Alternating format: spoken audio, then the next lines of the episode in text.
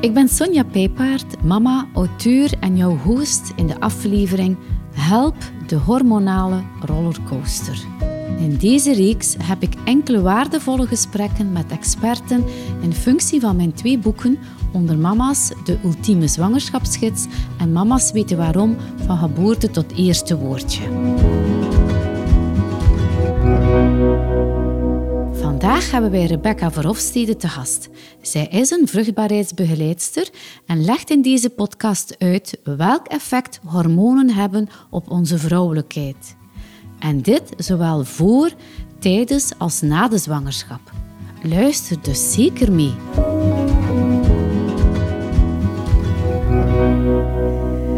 Dag Rebecca, welkom terug bij de podcast Onder Mama's aflevering Help, de hormonale rollercoaster. Ja, dank je Sonja. Je was al eens te gast hè, bij ons om uh, jouw advies te geven rond kinderwens en natuurlijk zwanger worden.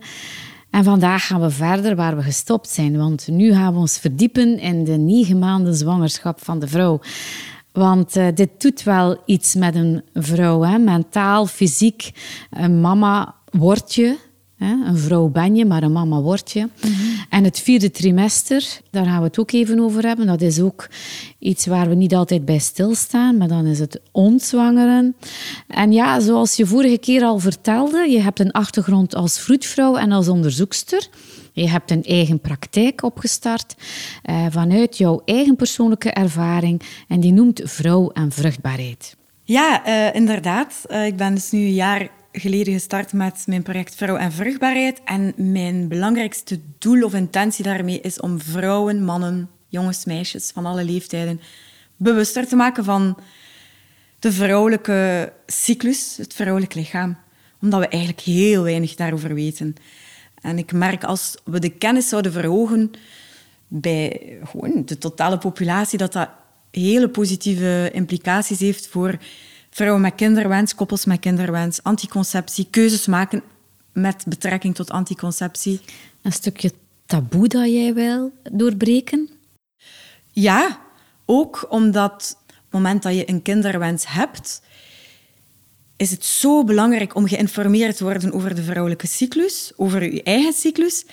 Maar er wordt daar onder vrouwen heel weinig over gebabbeld, gecommuniceerd omdat het bijna een schaamte is voor veel vrouwen van als ze na twee, drie, vier maanden niet zwanger zijn, dat ze het daar moeilijk mee hebben om, om daarover te praten. Omdat ze denken, er klopt iets niet met mij, mijn lichaam wil niet mee. Ja, ja. Ik, ik, ik durf daar niet over praten, ik durf dat niet zeggen. Bij een ander gaat dat allemaal precies vanzelf. Ja, ja dat, is, dat is iets dat, dat nog altijd heel stilzwijgend is. Zo die, ja. die kinderwens en die, het uitblijven van een, een zwangerschap. Wat is jouw missie? Mijn missie is echt dat vrouw... Ik zou het zo leuk vinden als ik sterf. en, en, dat ik echt zie dat vrouwen veel meer bewust zijn, en jonge meisjes, hè, veel meer bewust zijn van, van die vruchtbaarheid, van de vrouwelijke cyclus. Die vrouwelijke cyclus leren begrijpen, appreciëren, er eigenlijk naar zelfs leren leven, want dat is zo krachtig, dat is niet normaal.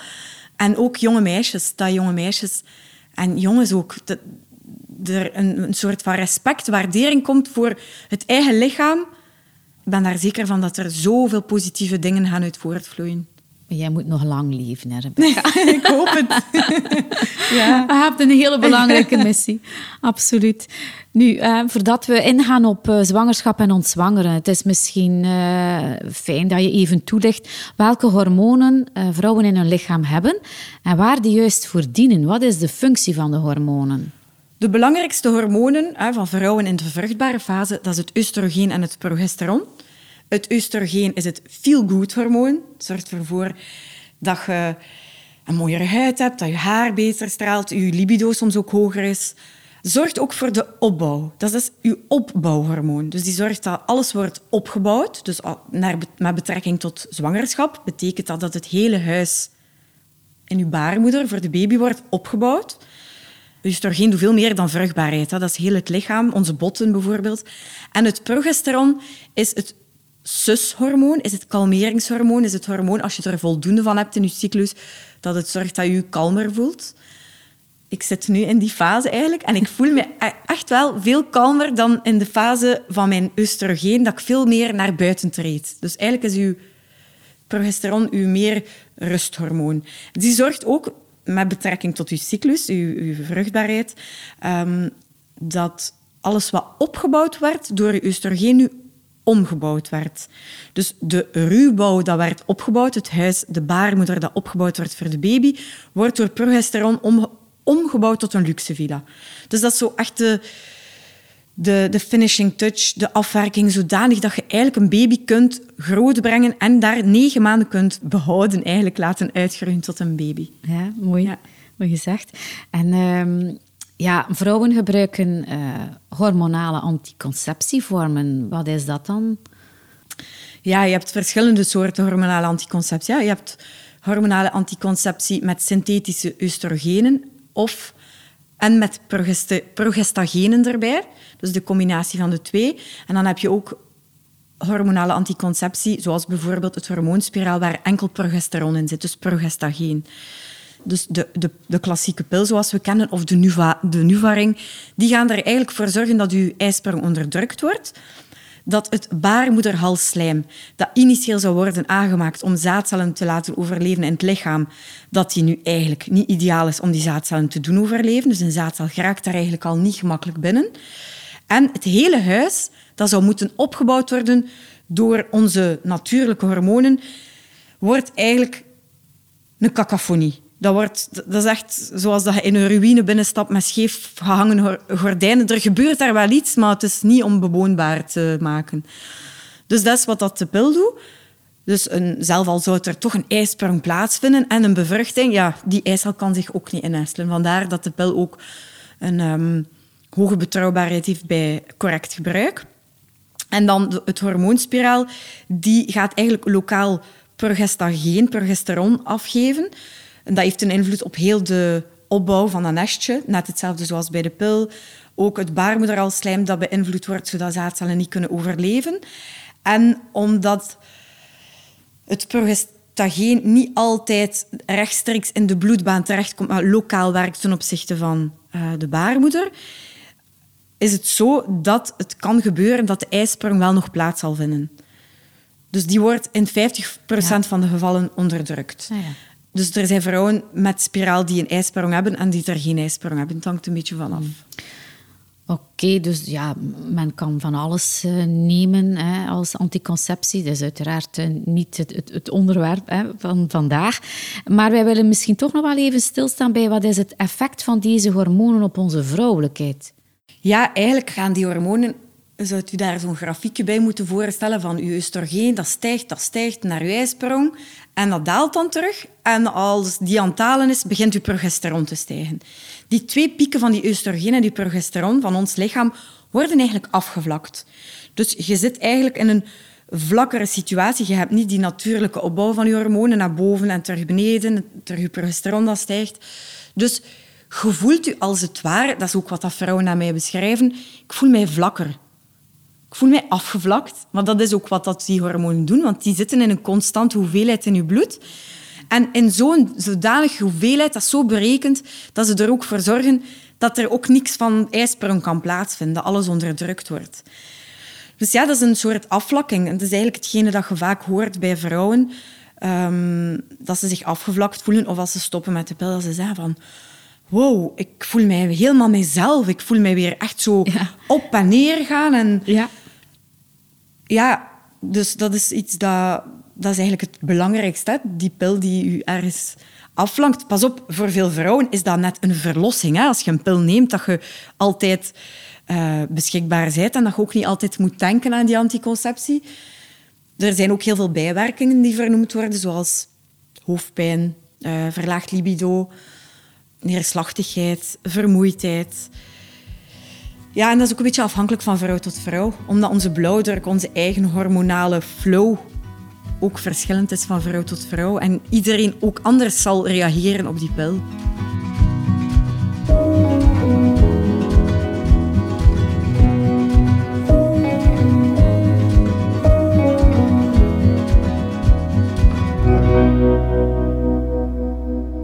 van weggaan van die pil. Hè? Want uh, wij zijn zwanger op een bepaald moment. Maar dan komen er andere hormonen bij. Hè? Ja. Op het moment dat je um, zwanger bent, dan eh, gebeurt er eigenlijk iets heel speciaals. Want het vruchtje nestelt zich in, in het nestje. Als alles mooi verloopt. Het mooie huis. Het mooie huis. het is dus de luxe villa. Uh, dus dat is dankzij progesteron. En dat dan zitten we ongeveer, op het moment dat dat, babytje, het embryo, zich innestelt, zitten we ongeveer acht tot tien dagen na de ijsprong.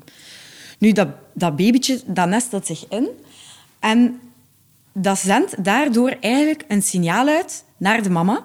En dat is het HCG. Het, dat is een moeilijke naam, humaan chorion gonadotrof. Ik had, ik had niet herhalen, HCG, zwangerschapshormoon. Ah, ja. Oké, dat, dat is duidelijk. Uh, het, dat is het zwangerschapshormoon dat je eigenlijk ook kunt meten als je een, uh, een, een urinetest doet, een zwangerschapstest doet. Dus dat meet eigenlijk dat hormoon dat het babytje aanmaakt. Dat hormoon wordt door de baby aangemaakt en komt in de bloedbaan terecht en komt zo bij de mama terecht, waardoor dat de mama weet, of een deeltje van het lichaam van de mama weet van oké, er is hier een zwangerschap, ik moet verder progesteron aanmaken. Want als je verder progesteron aanmaakt, dan, zoals ik daarnet zei, dat is de ombouw, dat is het nest voor die baby veilig te houden. Dat progesteron zorgt ervoor dat die baby negen maanden veilig zit in dat nest dat die baarmoedermond mooi sluit om een vroeggeboorte tegen te gaan, dat er dikker slijm wordt aangemaakt. Als het ware die slijmprop die gevormd wordt, die vrouwen ook negen maanden nadien verliezen bij de bevalling. Um, dus ja, dat progesteron neemt eigenlijk alleen maar meer en meer toe als je zwanger bent. En dat is ook de reden dat je temperatuur gaat stijgen, dat je soms ook warm kunt krijgen als je zwanger bent. Ik weet niet of dat veel vrouwen dat al hebben opgemerkt, dat je je soms warmer kunt voelen je borsten beginnen gespannen te worden, omdat dat progesteron ook je borsten gaat klaarmaken om binnen negen maanden borstvoeding te geven. Ja, dus in de eerste weken van die zwangerschap zijn onder de invloed en onder de indruk, misschien zonder dat je het weet, van het uh, zwangerschapshormoon. Mhm. Maar dan uh, op een bepaald moment uh, gebeuren er andere dingen. Um, die placenta begint dan op een bepaald moment groot genoeg te worden. Ja. Die speelt daar ook een bepaalde rol in, dacht ik. Hè? Na drie maanden gaat de, de placenta de progesteron aanmaken. Voordien maakte het restje van de eicel aan, maar nu maakt de placenta aan. En de placenta maakt oestrogeen aan en progesteron. En dat zijn twee belangrijke hormonen om uw baarmoeder te doen groeien. Om uw bloedvaten klaar te maken en beter te maken voor de doorbloeding van de baby. Om de baby te doen groeien. Eigenlijk gaan oestrogeen en progesteron er alles aan doen dat je gewoon een gezonde zwangerschap doorloopt en om je kind optimaal te laten groeien en bloeien gedurende negen maanden. Nu, we weten dat, uh, dat op een bepaald moment een vrouw in een hormonale of een uh, emotionele rollercoaster terechtkomt, maar eigenlijk onder invloed van die hormonen. Hè? Ja, dus eigenlijk die eerste drie maanden van de zwangerschap worden gekenmerkt door misselijkheid, braken, uh, supervermoeidheid. Dat zijn eigenlijk de meest voorkomende eigenschappen. Constipatie soms ook. Dat is allemaal dankzij of door de schuld van progesteron en het zwangerschapshormoon. Eigenlijk zou u de vraag kunnen stellen, ja, die vermoeidheid dat is iets zeer vervelend, dat is een zeer vervelende bijwerking, maar eigenlijk is dat een zeer schoon signaal van uw lichaam dat zegt, er groeit hier nu een klein wezentje in u, dat vraagt zoveel energie, dat is een signaal om uit te sturen, je moet rusten. En niet, je moet gewoon doordoen en doordoen. En dat is het probleem. Is eigenlijk willen wij vaak rusten als zwangere vrouw de laatste twee weken. Terecht, want je wilt je voorbereiden op de bevalling. Maar eigenlijk die drie eerste maanden, dat vraagt zoveel van u. Het is niet dat je ziek bent, hè, maar je stelt jezelf de vraag van wat kan ik doen om mijzelf die rust te geven dat mijn lichaam mij vraagt. En dat zal bij de ene vrouw anders zijn dan bij de andere. Daar zit daar ook een verschil op. Ja. Hoe kom je dan die, die eerste weken door? Want uh, je bent dan ongerust, je voelt je misselijk, je voelt je niet goed. Um, veelal krijgt men schrik van, ja, misschien gaat er wel iets mis. Ik denk dat het vooral belangrijk is dat je laat omringen door mensen die, die je kunnen helpen en die je advies kunnen geven zonder je schrik aan te jagen. Uh, en een stukje vertrouwen hebben in je lichaam. Je lichaam wil maar één ding, dat is zwanger worden. En op het moment dat je zwanger bent, wil je lichaam één ding, dat is een kind op de wereld zetten, uh, die negen maanden laten groeien en bloeien. Wij, wij onderschatten soms wat ons lichaam kan. Dat is gigantisch. Dat is eigenlijk zot dat je van een hoopje cellen naar gewoon een baby gaat van negen maanden. Dus is een stukje vertrouwen hebben in je lichaam en je, je lichaam graag zien en appreciëren voor wat dat die doet en luisteren naar de signalen dat je opvangt. Want dat is, ja, dat is ook niet gemakkelijk op van de ene dag op de andere te doen, maar jezelf, uh, ja, jezelf appreciëren. Ja, en, en, en als je dat dan niet hebt gedaan of niet op tijd hebt gedaan en je raakt dan in een soort zwangerschapsdepressie, hoe ga je daarmee om en hoe raak je daar weer uit? Ja, zwangerschapsdepressie, dat is, dat is ook natuurlijk iets dat we kunnen dat een beetje vergelijken met de postnatale depressie ook. Dat is soms heel moeilijk ook te identificeren. Daar is het eigenlijk belangrijk dat je contact opneemt met een, met een vroedvrouw. Vroedvrouw kunnen zo mooie dingen doen tijdens de zwangerschap. En soms wordt nog veel te weinig beroep gedaan op een vroedvrouw tijdens de zwangerschap zelf. Prille begin. Vanaf dag één kun je eigenlijk al een vroedvrouw aan huis laten komen. En die doen een babbel met u. Die zit daar soms een half uur, een uur om een babbel te doen. Dat zijn mensen die heel veel kennis en ervaring hebben. En die je ook gerichte tips geven, individueel voor u, om, om verder mee aan de slag te gaan. Hè? Ja. En gedurende dan die uh, drie trimesters van de zwangerschap, zijn er dan verschillen in, in, de werking van de hormonen, waardoor je dan misschien in de eerste of de tweede en derde trimester helemaal anders kan voelen? Maar die eerste is vooral je progesteron dat heel hoog is en je oestrogeen stijgt ook enorm. Uh, en naarmate dat dan je zwangerschap vordert, je hormonen blijven nog altijd heel hoog, maar naarmate dat je zwangerschap vordert, naar het einde toe, ga je merken dat je um, progesteron gaat beginnen dalen. En progesteron is eigenlijk het hormoon dat je baby wil beschermen. Hè. Zoals dat ik daarnet zei, die gaat ervoor zorgen dat er geen sprake is van een bevalling. Alles moet, moet negen maanden mooi dichtgehouden worden en De deuren toe, worden. de ramen toe. Voilà, alles goed toe van de, van de luxe villa. Um, dus dat is dankzij dat progesteron, daarom dat dat zo hoog is, daarom dat vrouwen ook die obstipatie kunnen hebben. Omdat progesteron ook verantwoordelijk is voor bijvoorbeeld die obstipatie. Het moment dat je eigenlijk, en dat voelt je lichaam zelf ergens aan, er gebeurt iets op magische wijze in je lichaam, dat die progesteron begint te zakken. En dan gaat verhoudingsgewijs oestrogeen veel sterker aanwezig zijn. Ook je prostaglandine, een, een, een, een, ook een heel belangrijk hormoon op het einde van de zwangerschap, komt ook veel sterker aan bod. En daardoor hebben prostaglandine en oxytocine, dat is een, nog een ander hormoon, vrij spel om de bevalling in gang te steken. Want oxytocine is een hormoon, misschien kennen veel vrouwen dat onder de vorm van het knuffelhormoon. Ah, ja, ja, ja. We komen daar straks ook nog op terug. Maar dat is ook het, het uh, hormoon dat verantwoordelijk is voor het in gang zetten van uw contracties, van de weeën. Dus daardoor begint uw baarmoeder samen te trekken om de rijpe baby naar buiten te brengen. En dat is omdat je progesteron zakt. En je progesteron heeft altijd geblokkeerd. Nu is je oestrogeen iets sterker aanwezig en die zegt aan oxytocine, doe maar. Uw lichaam bereidt zich al voor op borstvoeding ook. Hè? Vanaf welke zwangerschapsweek uh, is dat zo ongeveer? Dat is eigenlijk vanaf het begin al. Vanaf het begin? Ja, dat is eigenlijk vanaf het begin. Dat gaat geleidelijk aan ook. Hè? Maar eigenlijk, ik weet niet of je dat weet, veel vrouwen die niet zwanger zijn, die hebben, voordat ze menstrueren, ook gespannen borsten. Dat is omdat je lichaam hoopt dat je zwanger bent, maar nog niet weet dat het niet gebeurd is. Dus die maakt zich al klaar voor binnen negen maanden borstvoeding ja, te geven. Dat is door dat progesteron. Ja. Dus progesteron, bij de ene vrouw is dat uitgesprokener dan de andere. Maar progesteron uh, ja, die, die maakt de borsten klaar en die zorgt ervoor dat die klieren beginnen te groeien. Oestrogeen doet dat ook. En als je dan zwanger bent, ja, dan gaat dat, dat, dat, gaat dat progesteron gigantisch beginnen stijgen. Uw moederkoek neemt dat dan over, de placenta. Oestrogeen ook. En zij zorgen voor opbouw van borstklierweefsel, van ja, die melkproductie die op tijd op gang zou kunnen komen. Maar een ander belangrijk hormoon dat dan maar later echt veel meer gaat stijgen, dat is het prolactine. En het prolactine is het hormoon dat verantwoordelijk is voor de melkproductie. En wanneer komt die dan? Uh... Dat is eigenlijk na de bevalling dat dat dan... Prolactine. Ja, dat dan gigantisch begint te stijgen. Ja. ja. Dus voor de aanmaak van de moedermelk. En uh, nog een andere functie van dit hormoon? Uh, prolactine is de aanmaak van moedermelk. En oxytocine is ook na de bevalling. Samen met prolactine stijgt het ook. Dus het stijgt tijdens de bevalling. Of ja. voor de ja. bevalling, tijdens de bevalling. Ja. Maar na de bevalling is het ook nog aanwezig. Want het is het knuffelhormoon om de connectie tussen mama en kind te versterken. Dat is echt de, de binding eigenlijk. Hè? dat zit ook in vriendschappen of in uw relatie, komt er ook oxytocine. Als ik nu met, met, met mijn man zou zoenen, dan komt er ook oxytocine vrij. Dus dat is, dat is een hormoon dat, dat bij ons heel veel voorkomt. Maar na die bevalling, ja, dat stijgt daarom dat je soms zo ook op wolkjes of die, die, die connecties kunt voelen met je baby na de bevalling.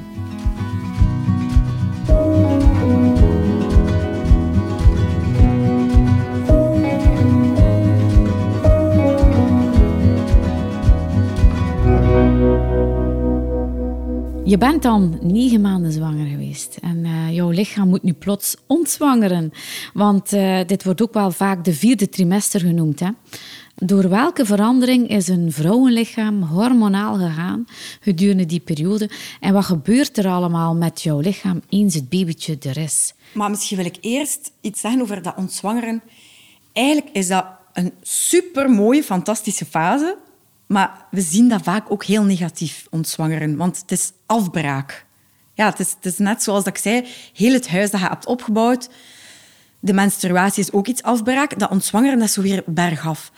Maar eigenlijk is dat ook een hele mooie fase, want het is de fase waarin dat je je lichaam ook de tijd geeft om van de het zwangere positie terug te gaan naar hoe dat het vroeger was, om je lichaam daarna weer de kans te geven om misschien daarna nog eens die weg af te leggen.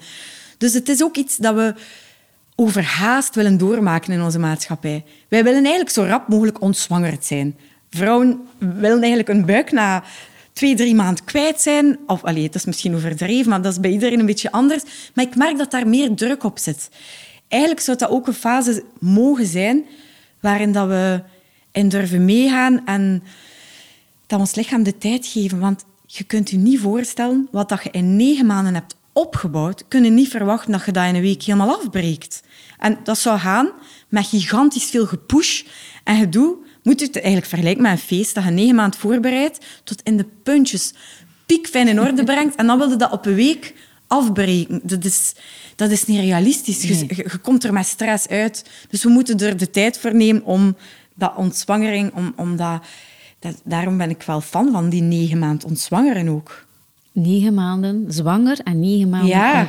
Ook ja, je lichaam de tijd geven om terug ook af te bouwen zoals dat hij heeft opgebouwd. Ja. Want het is niet dat afbouwen makkelijker is dan opbouwen. Het vraagt ook heel veel van je lichaam. Ja, ja absoluut. Want uh, sommige vrouwen zijn er wel echt overweldigd door. Hè? Ja, dus om terug te komen op die hormonen... Um, ja, op het moment dat je bevalt, je oestrogeen en je progesteron, die zo hoog aanwezig waren, die ook zorgden dat je je eigenlijk goed voelde.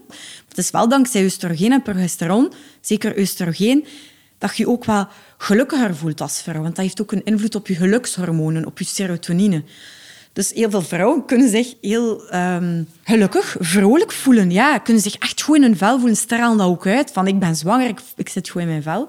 Maar op het moment dat je bevalt, vallen die hormonen zo diep dat je echt van een hoogtepunt naar een laagtepunt gaat. Nu, gelukkig vangt je oxytocine dat op. Dat zorgt ervoor dat, dat knuffelhormoon dat dat een beetje terug die een val opvangt. Ja. Uh, je hebt ook gigantisch veel stresshormoon. Door de bevalling komt er enorm veel adrenaline in je bloed.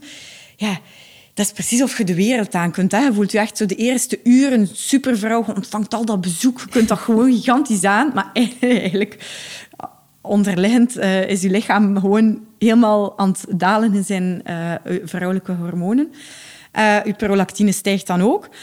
Dus dat is ook de reden waarom dat vrouwen ongeveer op dag 3, 4 is dat, maar dat kan van dag 2 tot dag 10 zijn, na de bevalling de baby blues ervaren. Postpartum blues. Wat is dat? Dat is supernormaal. Dus dat is eigenlijk een heel normaal gegeven na de geboorte. Dat komt voor bij 50 tot 80 procent van de vrouwen. En dat gaat gepaard met de huilen, prikkelbaarheid, heel vermoeid zijn, geïrriteerd zijn. Ja, dat is gewoon omdat je die val hebt hè, van je hormonen ook. Hè. Plus, er is plots een nieuw wezentje in je omgeving. Als dat je eerste kind is, moet je wennen aan het idee ja, dat je nu verantwoordelijk bent voor een klein leventje dat in jullie midden is gekomen. Die hele zorg, die borstvoeding, dat soms ook zoveel pijn kan doen bij vrouwen in het begin. Die borststuwing. Dus heel belangrijk is het te aanvaarden dat je op dat moment aan het afbouwen bent. En de aanvaarding en dat toelaten, doe ook enorm veel in jezelf te beschermen om ook niet te veel van je te verwachten. Stel dat je bevallen bent, dat je weer verwacht wordt te doen wat dat een vrouw deed voordat je zwanger werd. En dat is het probleem. Je zit dan thuis, je wilt dan bezoek ontvangen, je wilt dan een taart maken. Nee, je zit net bevallen. Dus ja, je moet je die tijd ook geven om terug rustig af te bouwen. Laat je omringen door mensen die je helpen en durf te vragen. Want jij zult dat later ook misschien doen bij je vriendinnen of bij je dochters of bij wie dan ook. Dus eigenlijk zouden vrouwen elkaar veel meer mogen ondersteunen in dat proces. Laat je bijstaan Mama's, en, en ja. helpen en, eh, En geniet van de ook. fase, geniet Ja. van, van, van elk moment en, en denk niet dat je onmiddellijk weer moet paraat staan voor, voor, hè, eh, Nee. voor iedereen. Dat, dat lukt toch niet en bij niemand eigenlijk. Mhm. hè. Want eh, ja, je lichaam zit nog vol hormonen, je moet fysiek en emotioneel nog herstellen. Eh, ja, wat kan er zo allemaal na je bevalling? Wat moet er allemaal gebeuren fysiek? Ja, sowieso is het een, hele grote emotionele verandering. Maar dat hebben we daarnet gezegd, een hele grote psychologische verandering en fysieke verandering ook. Hè. Ja. Je gaat van een zwangere buik naar niks. Je buik moet terug de tijd krijgen om terug naar zijn oorspronkelijke vorm te gaan. Eerst je baarmoeder, want die is helemaal uitgezet geweest. Dus die moet terug zo groot worden als een klein peertje. Eh, dus dat is de sterkste spier trouwens van heel ons lichaam. Dus dat is ongelooflijk hoe snel dat die terug naar zijn oorspronkelijke positie gaat. Maar ook je lichaam. Alles wat dat daarbij komt kijken, dat het gevolg is van die zwangerschap, moet teruggaan naar zijn oorspronkelijke vorm. En dan zullen er nog zo dingen zijn, zoals zwangerschapsstreamen bijvoorbeeld, die zullen daar blijven. Maar dat is door het proces dat je doorlopen hebt om dat wezentje op de wereld te zetten. Het is, het is, uw, het is een herinnering hè, van, Ja. van uw zwangerschap. Ja. Maar wat, wat is er eigenlijk heel opvallend van fysieke verandering na de, na de bevalling? Dat is moeilijk naar het groot toilet ook kunnen gaan, de obstipatie. Het is vaak ook omdat vrouwen heel hard hebben moeten persen, soms aanbijen hebben, soms geknipt zijn, gescheurd zijn, verdoving hebben gekregen, epidurale verdoving. En dat heeft ook een invloed op de darmwerking. Ja, ja. Maar ook die angst om te persen heeft ook een invloed op het feit dat je, ja, dat, dat daar langer in je darmen blijft zitten. En hoe langer dat, dat in je darmen blijft, hoe, hoe meer dat het vocht ontrokken wordt en dat je geobstipeerd kunt zijn. Dus de vroedvrouwen helpen u daar ook bij. hè. Dat is wa- voldoende water drinken. Zeker als je borstvoeding heeft, heel veel water drinken. Eh, vezels. Probeer te bewegen, niet te veel plat te liggen, tenzij dat je een keizersnee hebt gehad in het begin. Ja, je hoort ook eh, haaruitval is soms eh, Ja. ook toch wel iets waar men het moeilijk mee heeft. Ja. Ja. Maar dat treedt soms op iets later. Als je dan borstvoeding geeft, geeft treedt dat soms iets later op. Dat is niet onmiddellijk na de bevalling. Want door de zwangerschap heb je vaak een schone bos haren gekregen. Ja, ja, en ja, dan, ja. Maar eigenlijk moet je die afbraak zien als je lichaam die zich daardoor weer klaarmaakt op iets nieuws. Je moet iets kunnen afbreken om daarna weer te kunnen opbouwen. En dat is wat dat oestrogeen doet, opbouwen.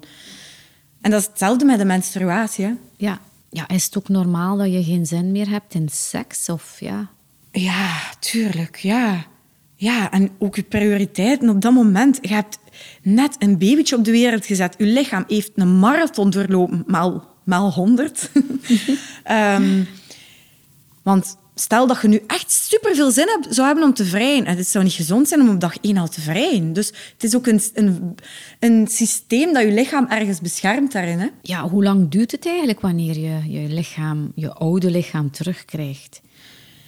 Dat is ook een beetje afhankelijk van vrouw tot vrouw. Hè? Is Een beetje de genetica. Ehm, maar ah, ik zeg altijd, geef uzelf die negen maanden tijd om te ontzwangeren ook. Het hangt er natuurlijk ook vanaf hoe lang dat je borstvoeding geeft. Want vrouwen die heel lang borstvoeding geven, zullen ook een natuurlijke cyclus veel langer onderdrukken.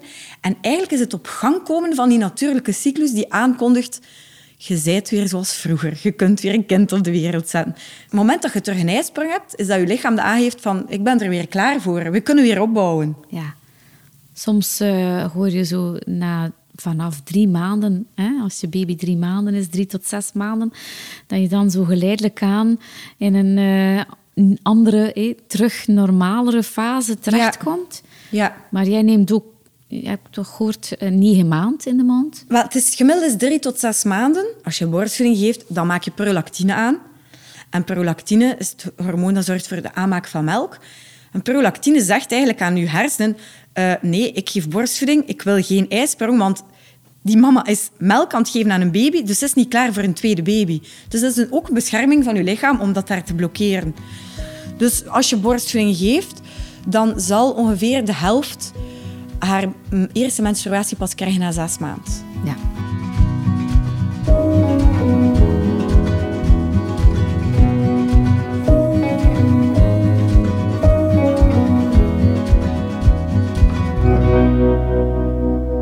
Even verder doorgaan op de babyblues, die, die nemen dan op een bepaald moment af. Tenzij dat je dan in een eh, neerwaartse spiraal blijft en dat we dan kunnen spreken van een postnatale eh, depressie. Postnatale depressie, ja. Is er ook een hormoon de oorzaak van dat we daarin verzeild geraken?